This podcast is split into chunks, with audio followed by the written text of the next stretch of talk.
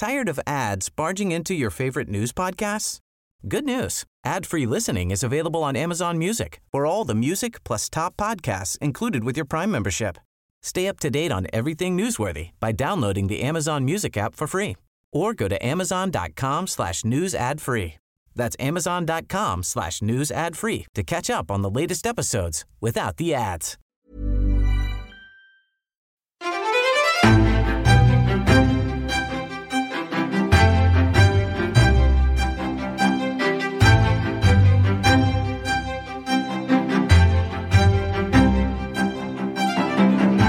Hej och välkomna till... Eh, ska jag komma ihåg vad vår podd heter också? Jag, kan, jag frågade precis Bertil om han ville köra introduktionen idag eh, och jag fråntar honom den rätten nu för att han kommer inte ens ihåg att podden heter Varför ska vi rösta på er? Och vi som sitter här i studion idag heter Bertil Wassén. och Amanda Oxell. Vad ska vi prata med idag, Amanda?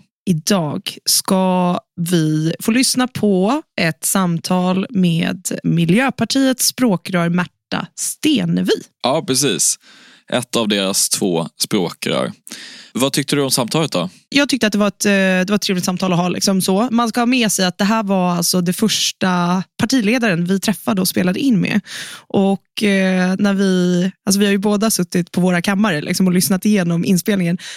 Och det, jag får ju så mycket cringe för jag hör ju hur nervös jag var. Alltså jag typ gick runt och så här fnittrade. Alltså man, man, man sätter igång inspelningen långt innan man faktiskt börjar spela in. Så att vi, hör, vi har så här en kvart av nervöst eh, pladder typ, där man bara oh, typ, ja, ja.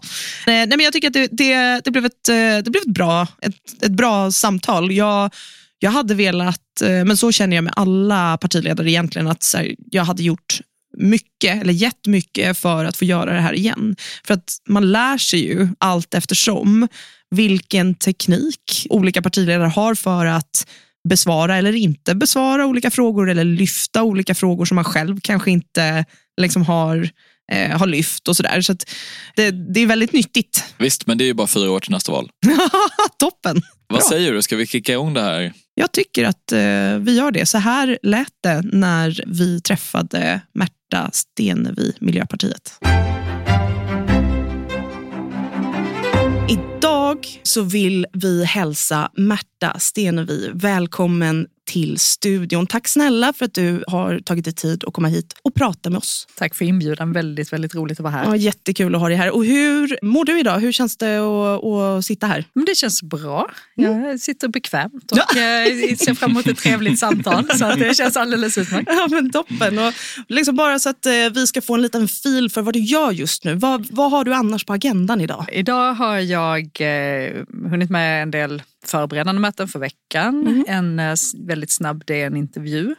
Jag ska spela in ett avsnitt med Margot Dietz, eh, partiledarintervjuer. Och eh, sen ska jag förbereda en debatt mot Ebba Busch om bränslepriser i Aktuellt ikväll. Lite smått och gott helt enkelt får man väl säga. Det var en... En eh, fullspäckad dag Ja, men precis, det får, ju, eh, får en ju att och, och, och svettas lite själv kanske. Då, men, eh, men, eh, ah, spännande, kul att höra. Kul att ha dig här. Ja, det är jätteroligt. Eh, Varmt välkommen vill jag också säga.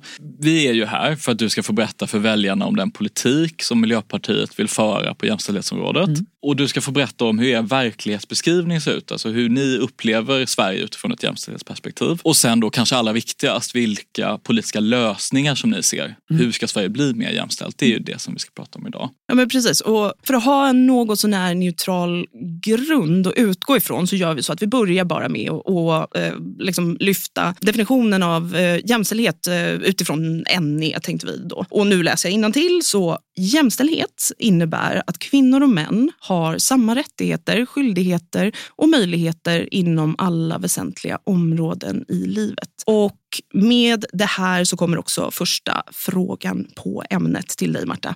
Vad är jämställdhet för dig och för Miljöpartiet? Men för oss så är jämställdhet i grund och botten en fråga om frihet. En frihetsfråga och en rättighetsfråga. Mm. Att alla människor oavsett eh, kön eller könsidentitet ska ha möjlighet att vara sina fulla personer och få tillgång till och möjlighet att växa och bli de människor de kan vara, inte hållas tillbaka på grund av sitt kön eller sin könsidentitet. Så att en frihets och en rättighetsfråga är det. Och att vi arbetar så hårt för jämställdhetsfrågor bottnar ju väldigt mycket i vår solidaritetstanke. Att man helt enkelt tar fighten för varandra. Så att vi har ju liksom en, en organisation som i 40 år har drivit jämställdhetsfrågor väldigt, väldigt aktivt. Vi har djupa rötter i, i kvinnorörelsen och jämställdhetsrörelsen. Så att det här är för oss är det en väldigt central del av vår ideologi skulle jag säga. Att varje individ ska få kunna växa och utvecklas utifrån sina möjligheter och förutsättningar utan att begränsas. Mm. Mm. mm. Du beskriver som en rättighetsfråga, men vad ser ni är grundproblemen som behöver lösas då? Liksom på vilka punkter är Sverige inte jämställt idag? Mm. Det gäller ju en lång rad områden.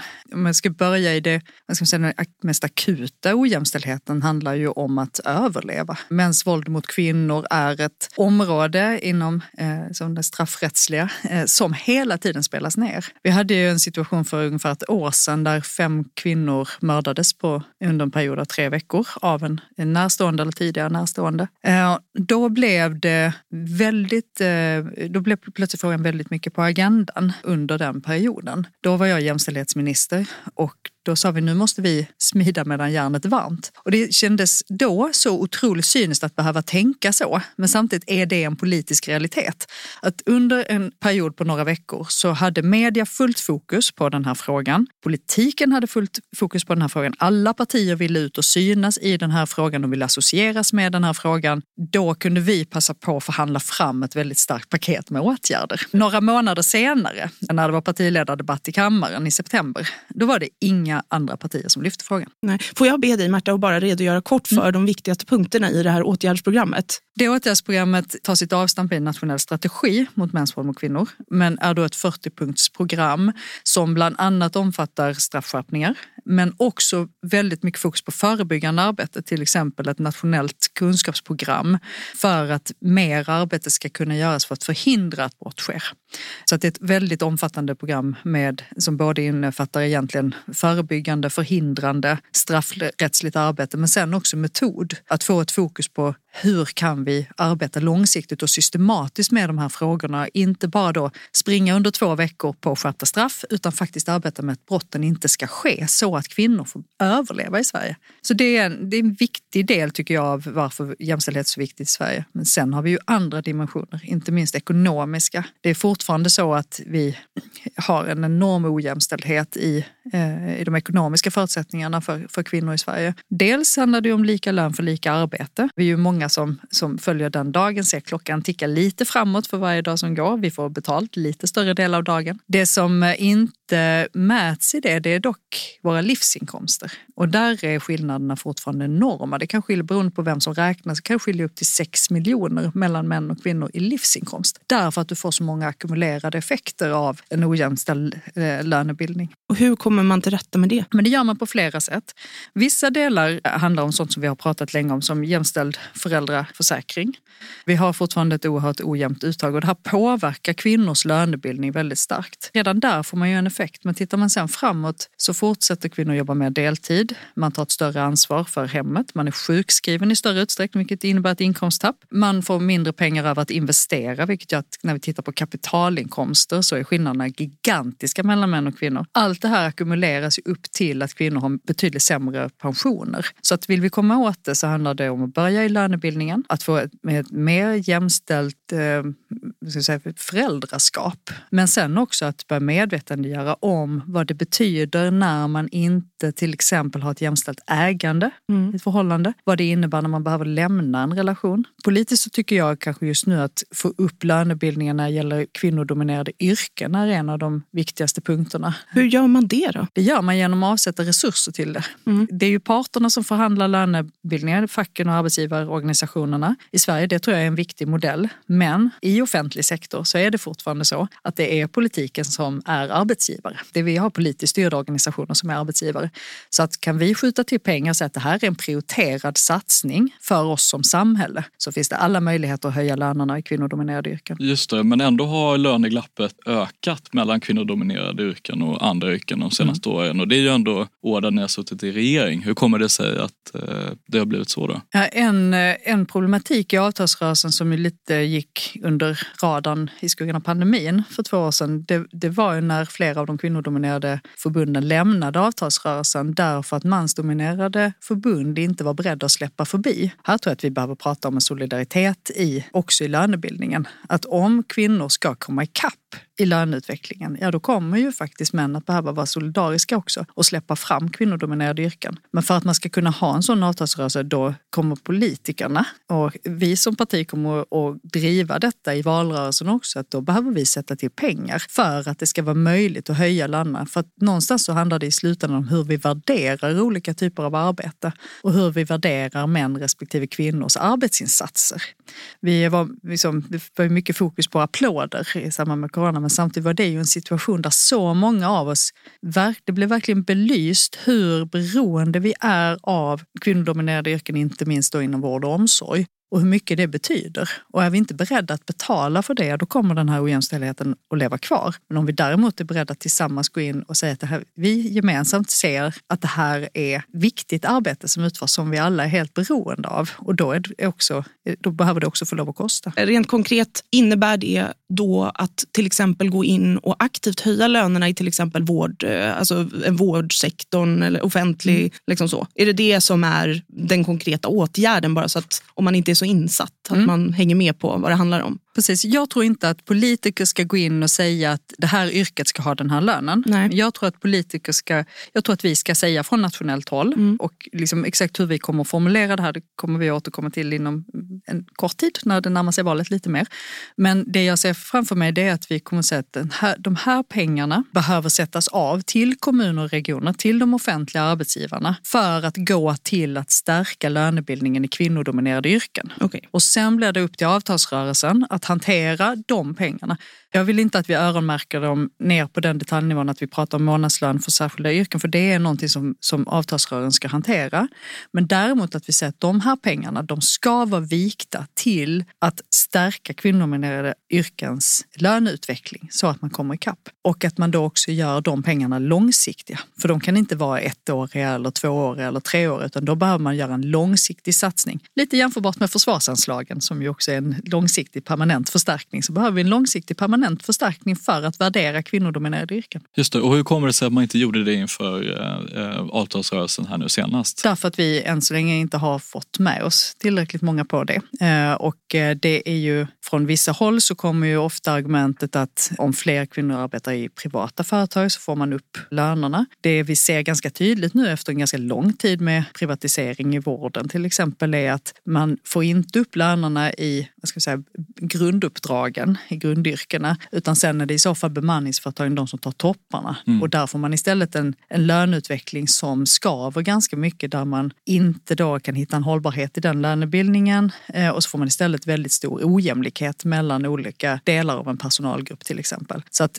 ska vi mena allvar med det så är det i de offentliga arbetsgivarna och i grundvärderingen av yrket som vi behöver göra de stora förändringarna och det behöver finansieras solidariskt av oss alla. Men och hur kommer det sig att man inte, att ni inte ändå känner att ni vill gå löpanlinan ut så att säga. Alltså ta av, göra ett avsteg från partsmodellen och faktiskt öronmärka, alltså göra, mm. göra specifika höjningar för specifika yrken. Därför att vi, erfarenheten är att det har också en tendens att slå lite snett. Till exempel att vi då från politiskt håll lyfter fram en yrkesgrupp det som händer då är att man får lyfta fram en yrkesgrupp i taget. Det är också svårt att politiskt på ett bra sätt prata om det som behöver vara en ganska komplex modell. Till exempel så i början på för förra mandatperioden så pratade vi mycket om ingångslöner.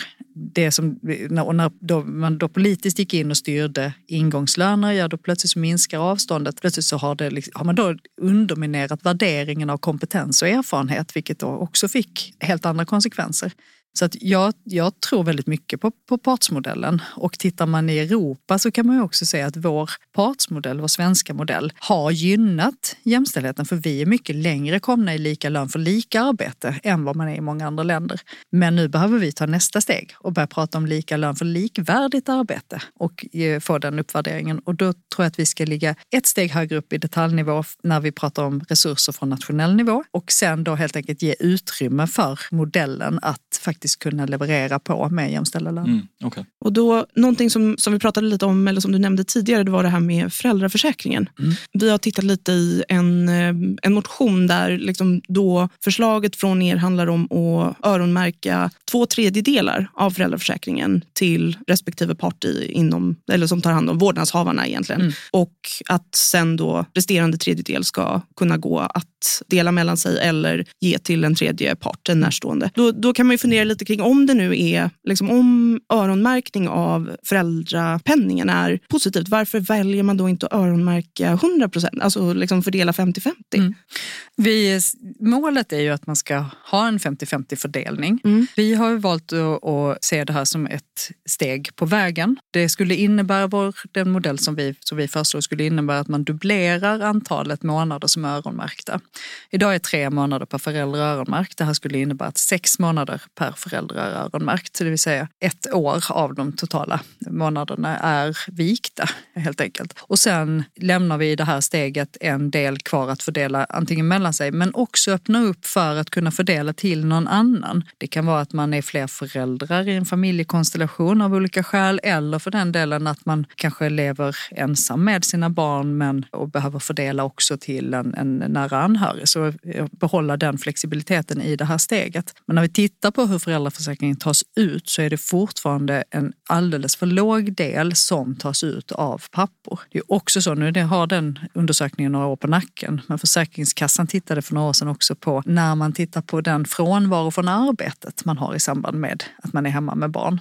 För att det vi, det vi normalt tittar på det är hur mycket pengar tar man ut, hur många betalda dagar. Men tittar man dessutom på hur många obetalda dagar som tas ut så ökar skillnaderna ännu mer därför att kvinnor tar också ut många obetalda dagar. Och sammantaget så gör ju det här att man får ett väldigt avbräck i lönebildningen men också att det påverkar naturligtvis både synen på kvinnor som primärförälder och också relationen mellan pappa och barn, vilket ju sen påverkar hur man tar ut vabbdagar och hur man, hur man löser livspusslet i andra delar. Så jag tror att det är, en, är oerhört viktigt att ta nästa steg nu, att vi dubblerar antalet månader som är vikta till respektive förälder och därmed får fler män att vara mer aktiva i sin, i sin papparoll gentemot barnen. Och, och varför inte öronmärka alla dagar så att säga? Jag tycker att det är målsättningen, men jag kan se en poäng i att precis som vi har tagit fler steg fram till den här nivån, att vi då tar nästa steg i att dubblera. Och sen eh, tycker jag att det finns all anledning att efter det titta vidare på om man ska ha öronmärka alla dagar. Men att gå från att tre månader per förälder är öronmärkt till att sex månader per förälder är det, skulle redan det kunna innebära en stor skillnad. Och sen eh, har, eh, har vi alla avsikt att titta vidare på det.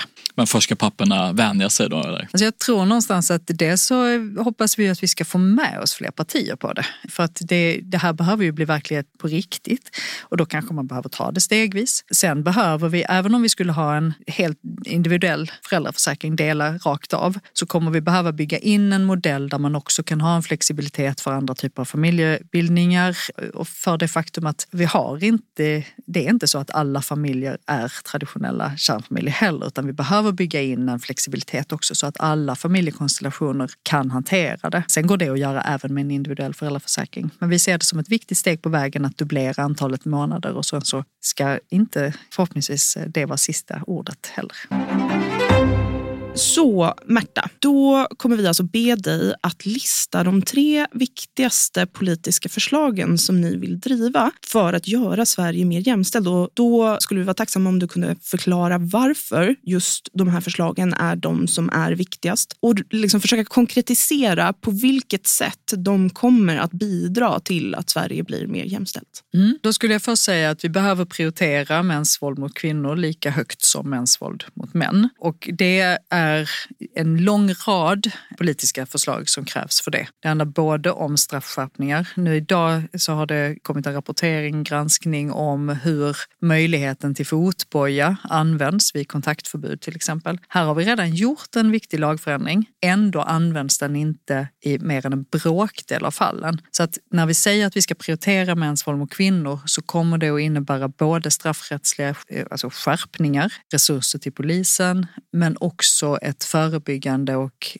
säga, metodiskt arbete med detta. Så vi har en, en hel uppsättning förslag kring det. Det andra jag tycker är oerhört viktigt är att satsa på kvinnors hälsa. Vi ser hur kvinnosjukvården blir eftersatt hela tiden. Förlossningsvården är ju ett väldigt tydligt exempel och blir ju ofta i fokus för bristerna i, i, i kvinnohälsa. Och där har vi ett arbete att göra bara med en sån sak som att faktiskt ha en barnmorska per födande för att undvika förlossningsskador. I nästa led behöver vi få ut kunskap kring hur man behandlar förlossningsskador. För det är fortfarande ett otroligt eftersatt område. Och där kan man verkligen ifrågasätta hur vi 2022 kan ha en vård som accepterar att kvinnor får så stora inskränkningar i livskvalitet som det innebär med de här svåra förlossningsskadorna. Och varför inte fler kvinnokliniker i Sverige har rätt kompetens för att behandla och, och laga dem. Vet du varför? Det jag vet är att vi har forskat för lite. Mm. Så att vi vill ju stärka forskningsanslagen till detta. Men också att, det har, att den kunskap som finns inte sprids på ett bra sätt. Det vill säga det har inte prioriterats tillräckligt hårt att hitta och avhjälpa de här skadorna. Och det innebär att alldeles för många kvinnor går med väldigt, väldigt stora inskränkningar i sin vardag. När man inte kan träna, inte kan springa, inte kan leka med sina barn. Där man ofta går igenom en period där anknytningen till barnet blir skadad därför att man har så mycket problem efter förlossningen. Det är naturligtvis helt oacceptabelt. Men det kommer ju också igen i hur mycket, det är först de sista tio åren som egentligen endometrios till exempel har blivit ett, ett vårdområde att räkna med. Vi har eh, eh hela, alla diskussioner kring både både hur vård påverkar kvinnor. Där så mycket forskning inom olika sjukdomar är gjorda på män och utgår från mäns fysionomi. Men också sånt som, det är först de senaste åren vi överhuvudtaget pratar om någonting som, sånt som förklimakterie. Mm. Vad det innebär. Vad det innebär för, för igen då inskränkningar i, i kvinnors vardag. Och det här är igen, vi är ändå inne i 2022 och fortfarande är det så stora skillnader. Så kvinnohälsa, men också då de som arbetar i vård. Finns det någon kartläggning av vad som saknas? Alltså vad, vad det är som saknas i, inom området kvinnohälsa? För jag, man kan väl tänka sig kanske att eh, för att veta vad det är man behöver laga eller göra någonting åt eller komplettera med eller var man behöver putta till budget eller vad det nu kan vara, så behöver man ju också veta rent konkret vad, mm. vad som saknas. Men Tired of ads barging into your favorite news podcasts? Good news. Ad-free listening is available on Amazon Music for all the music plus top podcasts included with your Prime membership. Stay up to date on everything newsworthy by downloading the Amazon Music app for free or go to amazon.com slash news ad free. That's amazon.com slash news ad free to catch up on the latest episodes without the ads. Min uppfattning är att det har funnits en, att, att vi, vi behöver en attitydförändring i vården. Där mm. det har funnits en, en lång tradition av att faktiskt eh, nedprioritera kvinnors hälsoproblem. Man har ju haft i, liksom, i journal och kunnat eh, skriva om sved och värkkärringar där man har haft liksom, eh, där, där det är diffusa smärtsymptom som inte har forskats på tillräckligt helt enkelt avskrivs som psykosomatiska fast de då har visat sig vara i allra högsta grad somatiska, alltså kroppsliga. Mm. Mm. Och jag tror att ska vi komma till rätta med de gamla och liksom förlegade attityderna som har funnits, alla dessa flickor och kvinnor som blev avfärdade för att de bara hade lite jobbigare menstruationer när de då visar sig ha svår endometrios till exempel. Ju mer vi kan prata om de frågorna, desto mer kan vi, kan vi också sätta fokus på dem och därmed få till attitydförändringen. Men då krävs ju från politiskt håll att det satsas resurser, både på forskning och på det kliniska arbetet att vi hela tiden lyfter frågorna i alla sammanhang och, och trycker på. Så att det, helt enkelt, det ska helt enkelt vara rätt så pinsamt för en region att inte jobba med de här frågorna, tycker jag. Därför att det här är en, en oerhört central del av, av deras uppdrag. Och kartläggningar behövs. De granskningar som görs nu av förlossningsvården är jätteviktiga. Enkäter där man sticker liksom ett papper under näsan på en nyförlöst mamma på förlossningssalen i princip ger inte särskilt mycket. Vi behöver en uppföljning av vad händer vid efterkontroll kontrollerna. Görs det fysiska efterkontroller, vilket det ska göras men vi vet att det, det i alldeles för många fall inte sker utan man har bara ett samtal egentligen hur fångar vi upp alla de skador som finns och hur ser vi till att de blir lagade? Så mer information och kartläggning kommer att behövas men också resurser och ett väldigt tydligt tryck. Just det. Och du nämnde det här med en eh, barnmorska per födande. Det är väl det som har kallats casebaserad eh, vård tror jag när det har diskuterats i Region Stockholm. Det har ju varit rätt aktuellt här under, mm. under hösten. Vad, är, vad, vad, tänker ni att ni ska göra från eventuell då regeringsställning efter valet för att påverka regionerna? Hur, kom, hur ser det ut rent praktiskt? Liksom? Ja, precis, finns dels det som kallas för caseload midwifery mm, som, som okay. handlar om att ha en kontinuitet redan från mödravården och in i förlossningen. Och sen på förlossningskliniken så är det då vikten av att ha en barnmorska per födande. Och här har man ju hamnat i en spiral under, under lång tid där allt för många barnmorskor lämnar yrket och man har en bemanningsproblematik och en kompetensförsörjningsproblematik i, i botten. Det är svårt att få tag i tillräckligt många barnmorskor. Men ju mer det här får fortgå och ju mer arbetsmiljön blir allt sämre, desto fler har ju då försvunnit. Så ska man vända på detta så måste man, tror jag, ge tillbaka mer av självbestämmande till barnmorskorna. Alltså mindre detaljstyra, mindre mäta på minuterna, mer kunna ge tillbaka kontrollen till de barnmorskor som är, ju är utbildade att göra just detta, förlösa kvinnor. De vet vad som är den bästa arbetsmiljön och de vet hur de skulle vilja jobba. Så ju mer man kan ge tillbaka den makten till de som faktiskt ska förlösa kvinnorna. Där hoppas jag att man också ska kunna börja vända utvecklingen och få fler att gå tillbaka till yrket. Men sen handlar det ju om lön, om att säkra arbetsmiljön. Det är helt oacceptabelt att man har situationer där man inte kan gå och kissa, där man inte får äta lunch, där man inte har möjlighet att ta en paus, där man inte egentligen kan vara ledig därför att det konstant plingar i telefonen med förfrågningar om att ta extra pass, där man lever med den pressen. Utan det här, det här kommer att behöva vändas och det här kommer att kräva ganska mycket av de organisationerna. Och från politiskt håll så kräver det att vi aktivt är beredda att ge tillbaka makten till de som faktiskt vet vad de gör. Att vi är beredda att lägga pengarna som krävs för, för lönerna för att och också inte då glömma att vi behöver belöna erfarenhet och kompetens. Att vi verkligen liksom ger dem incitamenten att stanna och att man då får förutsättningar för att vara en barnmorska per födande så att man kan ge den upplevelse som jag vet att barnmorskorna brinner för att ge den födande kvinnan. Tredje område, ja, ni får långa svar, men det är stora frågor.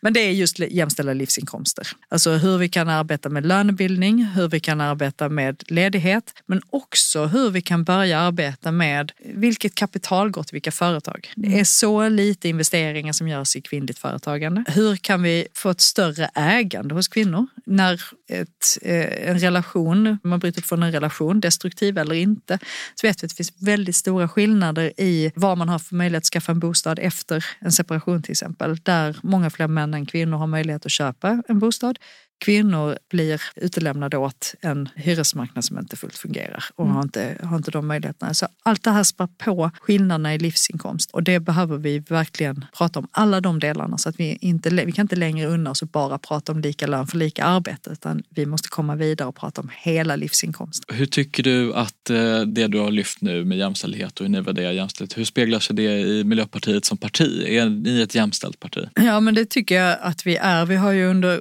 ända sedan vi bildades arbetat med varvade listor och med mycket delat ledarskap, vilket har möjliggjort för, för väldigt många kvinnor att ta tunga positioner i, i partiet. Nu har vi ju en i ledande position och en ganska tung representation av kvinnor. Och jag skulle säga att det också syns i sånt som en medvetenhet av vad det innebär att ha liksom uppdrag som kanske ofta innebär väldigt långa arbetsveckor och samtidigt kombinera det med familj. Även ute för våra fritidspolitiker, att det finns ett, en liksom acceptans och självklarhet i att det behöver kunna erbjudas barn och, barnpassning till exempel när vi har möten. Att det finns en, en eh, medvetenhet om att man kanske går in och ut ur politiska uppdrag. Vi har ju det som en ganska eh, tydlig del av vår partikultur att politiska uppdrag har man till låns. Det är inte karriärer, det är inte någonting man gör liksom för att försörja sig långsiktigt utan det är uppdrag som vi, som vi har till låns som är liksom vår, vår samhällstjänstgöring och att man då också kan kliva in och ut ur dem. Och tanken med det är ju också att det ska underlätta att kombinera ett liv utanför politiken med ett liv i politiken. Är ni feminister? Absolut är vi det. Absolut. Kort och, eh, kort och koncist. Eh, för oss en oerhört okomplicerad eh, fråga kan man säga. Vi, har vi varit i 40 år och det kommer vi fortsätta vara. Och utöver det, då, så här, er jämställdhetspolitik, verkar den för alla kvinnor? Eller vilka kvinnor omfattas av partiets jämställdhetspolitik? För oss är det jätteviktigt att det alltid ska omfatta alla. Att ingen lämnas efter. Att vi inte får ett fokus bara på höginkomsttagare eller att vi bara får ett fokus på de som kan välja utan att vi hela tiden bedriver en solidarisk jämställdhetspolitik även för de som inte har resurser att alltid driva sina egna frågor. Så att jämställdheten når ner till de som har sämst förutsättningar, tuffast ekonomiska förutsättningar hela vägen ner på i alla delar av samhället. Och speglar sig det, det även i er utrikespolitik skulle du säga? Ja, det skulle jag säga därför att nu till exempel är vi igen i en diskussion där eh, många partier vill skära ner i biståndet. Men vet att vill vi ha en hållbar utveckling globalt sett och i utvecklingsländer, i konfliktdrabbade länder, då är det kvinnor och barn vi behöver satsa på. Kvinnor och flickor behöver få stöd för då ser vi också en bättre demokratisk utveckling. Och på motsatt då när vi inte satsar på demokrati och utveckling utan bara på akutbistånd, då är det kvinnor och flickor som far mest illa i det.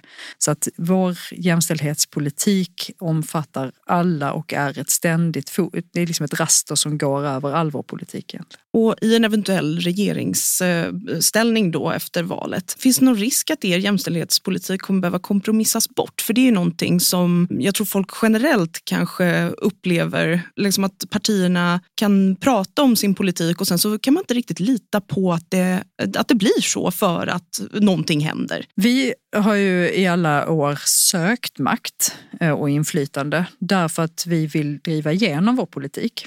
Vi kan ju naturligtvis stå vid sidan och då har man alltid friheten att tycka allt eh, och vara högljudd i vad man tycker. Men det gör inte skillnad för de kvinnor som faktiskt behöver förändringen, utan då måste vi sitta där besluten tas. När det betyder att man samarbetar med andra partier, då kommer det också ske kompromisser. Om inte de partierna vill lika mycket som vi, vilket få partier vill på jämställdhetsområdet om man ska vara krass, då kommer det ofta innebära att det går lite långsammare än vi hade velat om vi hade kunnat bestämma helt själva. Men det som är centralt för oss då, det är att ha ögonen på att det alltid går framåt och att det går tillräckligt fort framåt. Det blir ju vår viktiga uppgift. Vi kanske inte kan genomföra allt i vår politik om vi har andra partier som vi behöver samarbeta med som håller emot. Men vi måste se till att det hela tiden blir en framdrift, för det är det som är poängen med att sitta vid makten eh, i regering om det är på nationell nivå. Att det går framåt i den riktning vi vill se. Hur ser du på förebyggande åtgärder i förhållande till reglerande åtgärder? Liksom i, när man kommer med politiska förslag så, så handlar det väl i jämställdhetsfrågor så känns det som att det viktar ganska mycket åt det ena eller andra hållet för de flesta partier. Att vissa är liksom helt inkörda på att här ska vi reglera och lagstifta bort problemen och sådär medan andra kanske jobbar mer förebyggande. Hur ser du på det? Jag menar att vi alltid måste göra både och.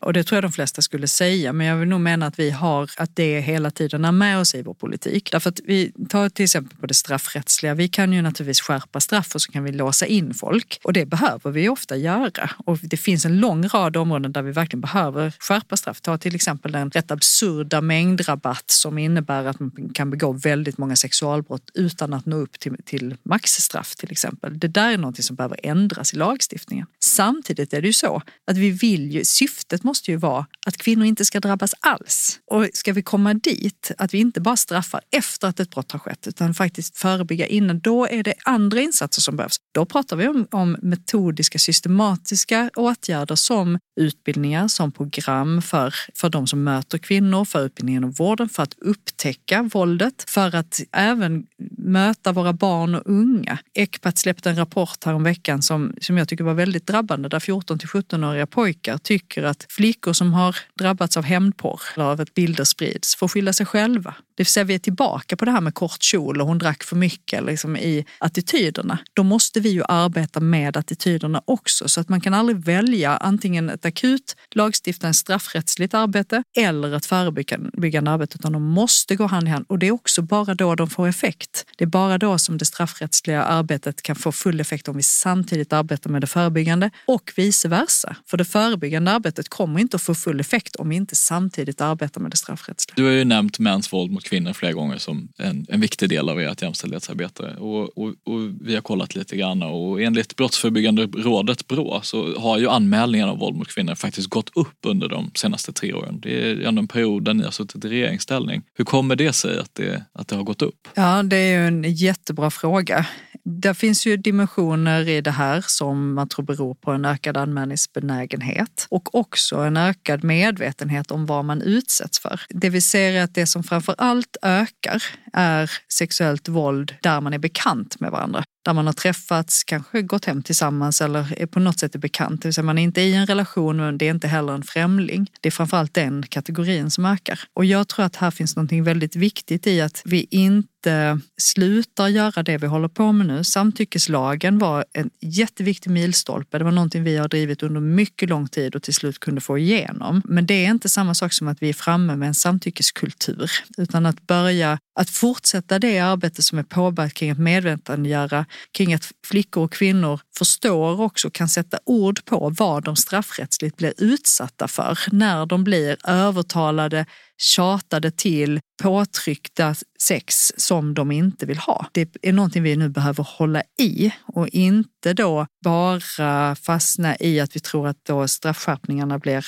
svaret. Straffskärpningarna behövs, men det är en samtyckeskultur vi behöver bygga och det kommer, tror jag, att ta tid och vi får inte luras att liksom backa nu för att vi ser att anmälningarna ökar och att upplevelserna av brott ökar utan tvärtom fortsätta jobba framåt stenhårt mot en samtyckeskultur där det som borde vara självklart också är självklart, det vill säga att allt sex som inte uttryckligen är frivilligt är brottsligt. Det innebär ju till exempel att, att vi får stopp på möjligheten att köpa sig ett samtycke. Om det inte finns anledning att tro att sex hade varit frivilligt även utan ersättning, nej men då ska det inte ses som ett samtycke. Utan sexköp är totalt övergrepp. Och det är någonting som jag tror är en viktig pusselbit i att få den här samtyckeskulturen på plats. Du, du säger eh, göra mer, men är du ändå självkritisk till hur, eh, i och med att ni ändå har suttit i regeringsställning och, och trenden har gått åt det andra hållet så att säga. Eh, känner du att det är någonting ni skulle göra annorlunda om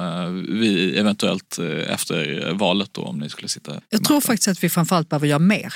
Jag tror verkligen det. Därför att samtyckeslagen kom på plats. Den har ökat antalet fällande domar. Men vi ser fortfarande så mycket problem i rättsföringen. När det är fortfarande alldeles för få, där för det är en sak att anmälningarna ökar men, men sen är det alldeles för få av de anmälningar som faktiskt går till åtal. Det vill säga de flesta av de här förundersökningarna läggs ner. De som går till åtal, där har antalet fällande domar ökat sen samtyckeslagen kom på plats. Men det är fortfarande alldeles för få som faktiskt leder till fällande fällande domar. Och här finns ju en problematik i hur kan vi stärka rättsväsendet, inte bara i straffen, utan också i, kring polisen, kring åklagarmyndigheten, kring domstolsväsendet, så att samtyckeslagen också genomsyrar hur vi hanterar de här fallen. Det tror jag är eh, jätteviktigt. Jag tror också att den förändring som är gjord i skollagen kring att gå från sexualundervisning till sex, samtycke och relationer där det ska breddas för att ungdomar behöver lära sig mer om, om vad samtycke innebär. Det tror jag är en jätteviktig fråga. Och sen tror jag att vi måste fortsätta hålla i debatten kring vad som är vad, kring vad det är för övergrepp som, som unga utsätts för, kring vad det är unga killar möter i diskussioner kring hur många av de unga relationerna som präglas präglas av våld. En förfärande stor andel av gymnasietjejer har blivit utsatta för våld i en nära relation. Så att jag tror att vi måste göra mycket, mycket mer och inte då säga att ja, men vi, vi, har, eh, vi ska backa tillbaka till att bara prata om att eh, låsa in och slänga bort nyckeln utan det här börjar tidigare.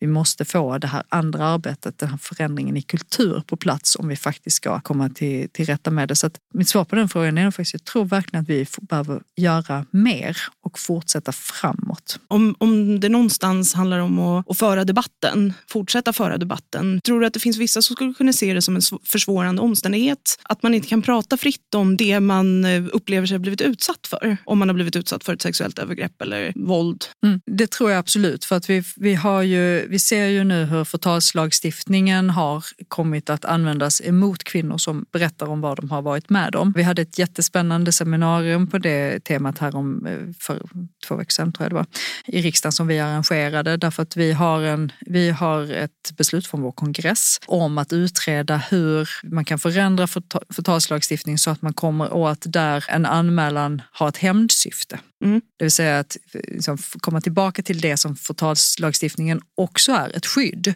För att idag så har vi ju, använts den också för att skydda kvinnor från till exempel hämndporr. Utan att kunna skilja på de lagstiftningarna och att hitta hur gör vi det möjligt att prata om det man har varit med om som brottsoffer, även där en förundersökning är nedlagd till exempel. Då Märta, tio sekunder nu. Varför ska vi rösta på er? Därför att vi är ett parti som alltid kommer att prioritera individens möjligheter kopplat till de globala utmaningar vi ser, inte minst vad gäller klimat och miljö. Och jämställdhet, feminism och klimat och miljöfrågor hänger intimt ihop. Kvinnor är lösningen på många av de här frågorna, men är också de som drabbas hårdast av när klimatkrisen inte löses. Så vi kommer att prioritera jämställdhet och klimat väldigt högt. Då tackar vi dig Märta Stenevi för att du eh, kom hit och eh, pratade med oss denna halvsoliga måndag eh, förmiddag en dag i mars. Ja, stort tack för att du kom hit. Jättestort tack för ett mycket spännande samtal. Nu har vi precis hört samtalet med Märta Stenevi. Hur tyckte du att det gick? Jo, men det, jag tyckte det gick bra. Alltså, I ljuset av den förra intervjun med Johan Persson, man kan säga att det var lite annorlunda. Hon var ju väldigt, väldigt tydlig med att hon tyckte att det var väldigt, väldigt viktigt och betonade ju vikten för hela partiet. Eh, hon har ju själv varit jämställdhetsminister och det tyckte jag ändå mm. märktes i samtalet. Hon mm. hade inga talespunkter utan talade fritt. Det kan vara lite intressant att mm. och ändå lyfta fram. Vad var det som skilde sig från eh, Johan Persson? Du började med det. Eh, nej men alltså det var ju, no jag tror att de skiljer sig ändå i vad de tycker på några punkter. Här, som vi pratade om förra veckan, så till exempel så där Johan Persson lyfter upp vikten av ökad eh, privatisering och fler arbetsgivare inom kvinnodominerade branscher, offentliga mm. branscher. Mm. Så säger Märta Stenevi att, att privatisering inte har fått upp lönerna utan istället pratar om att tillsätta mer pengar till det offentliga. Så det finns liksom en, en skillnad. Men också hur de angrep det. Och, mm. eh, Märta var ju väldigt mm. tydlig. Mm. Och där, det, det tycker jag ändå är, det är ju lite det den här podden, det vi för, försöker göra här är ju just att synliggöra att det nog, det nog är så att många av eh, partiledarna och, och partierna har ungefär, alltså liknande målsättningar, men de har olika tillvägagångssätt för att uppnå de här målsättningarna. Alltså de har olika strategier och utgångspunkter för hur man ska nå målsättningarna. Men sen har de också olika definitioner av själva målsättningen. Vissa partier pratar om att förbättra villkor, alltså som Jimmy Åkesson då, han pratar ju om väldigt mycket om att förbättra villkoren och arbetsmiljön snarare i kvinnodominerade eh, branscher snarare än att prata om eh, lön till exempel. Han ville ju downplaya det här med lön medan det är någonting som Märta Stenevi liksom lyfter som eh, en viktig del i liksom, kvinnors eh, ekonomiska makt eller ekonomiska jämställdhet. Vad sa Johan Persson om det? Han, ja, han pratade också lön, liksom. alltså löneläge. Sådär det blir intressant när man kan lägga till de olika perspektiven på varandra. Ja, nej, men det är ändå, eh, ändå intressant att, att se det. Att liksom, Miljöpartiet och, och Sverigedemokraterna som ändå ligger väldigt långt ifrån varandra. När de ska liksom konkretisera tre frågor, tre områden där Sverige är ojämställt då håller de ju till stora delar med varandra. De pratade ju som du sa både om våld mot kvinnor som mm. någonting väldigt viktigt. De pratade båda om forskning kring kvinnosjukdomar och sen om eh, lönerna. Så mm. de nämnde ju liksom samma problem. Det är ändå intressant. Och så landar de ju såklart i ja, men kanske hur man definierar de problemen mer ytterligare och eh, framförallt hur, hur, man ska lösa och vad man kan göra som politiker för ja. att lösa dem. Någonting som jag också tycker är intressant och värt att, att, lyfta här efter att ha lyssnat på samtalet med Märta Stenevi i efterhand, det är ju att hon liksom ligger väldigt, alltså i de frågor hon väljer att lyfta så ligger hon väldigt nära den offentliga jämställdhetsdebatten. Och det, det tål att liksom funderas över. Är det Är det ett sätt att fiska röster eller, eller för man en politik som liksom är väl förankrad i politiska förslag. Så. Nej, precis. I, i många fall så, så stöttade hon ju upp med förslag kopplade till den problembeskrivningen hon har. Mm. Tack till alla som har lyssnat på dagens avsnitt med Märta Stenevi för Miljöpartiet och tack Bertil Wassén. Tack Amanda Oxell. Tack.